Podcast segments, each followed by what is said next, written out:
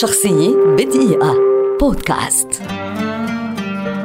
خالد حسيني كاتب وطبيب أفغاني أمريكي شهير ولد عام 1965 ويعد واحدا من أبرز الروائيين وأكثرهم انتشارا في وقتنا هذا. في عام 1976 حصل والده على وظيفة في باريس وانتقلت العائلة إلى هناك وكانوا غير قادرين على العودة إلى أفغانستان بسبب الثورة هناك. وبعد مرور سنة على الغزو السوفيتي لأفغانستان طلبت العائلة حق اللجوء السياسي في الولايات المتحدة وجعل إقامتهم في سان خوسيه كاليفورنيا عام 1980 تخرج خالد في مدرسة الاستقلال العليا في سان خوسيه عام 1984 والتحق بجامعة سانتا كلارا حيث حصل على درجة البكالوريوس في علم الأحياء عام 1988 وفي العام التالي دخل جامعة كاليفورنيا في سان دييغو كلية الطب حيث حصل على الدكتوراه عام 1993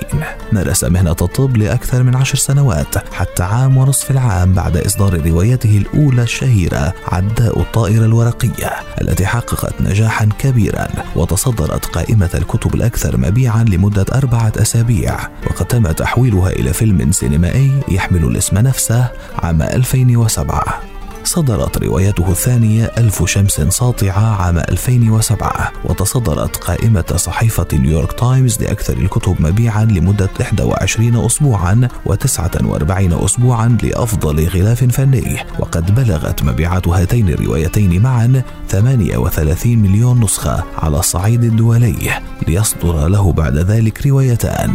ورددت الجبال الصدى عام 2013 وصلات البحر عام 2018 خالد حسيني حاليا هو المبعوث للنوايا الحسنة في المفوضية العليا للأمم المتحدة لشؤون اللاجئين وقد عمل جاهدا على توفير المساعدة الإنسانية في أفغانستان من خلال مؤسسة خالد حسيني يعيش في ولاية كاليفورنيا الشمالية مع زوجته وطفليهما.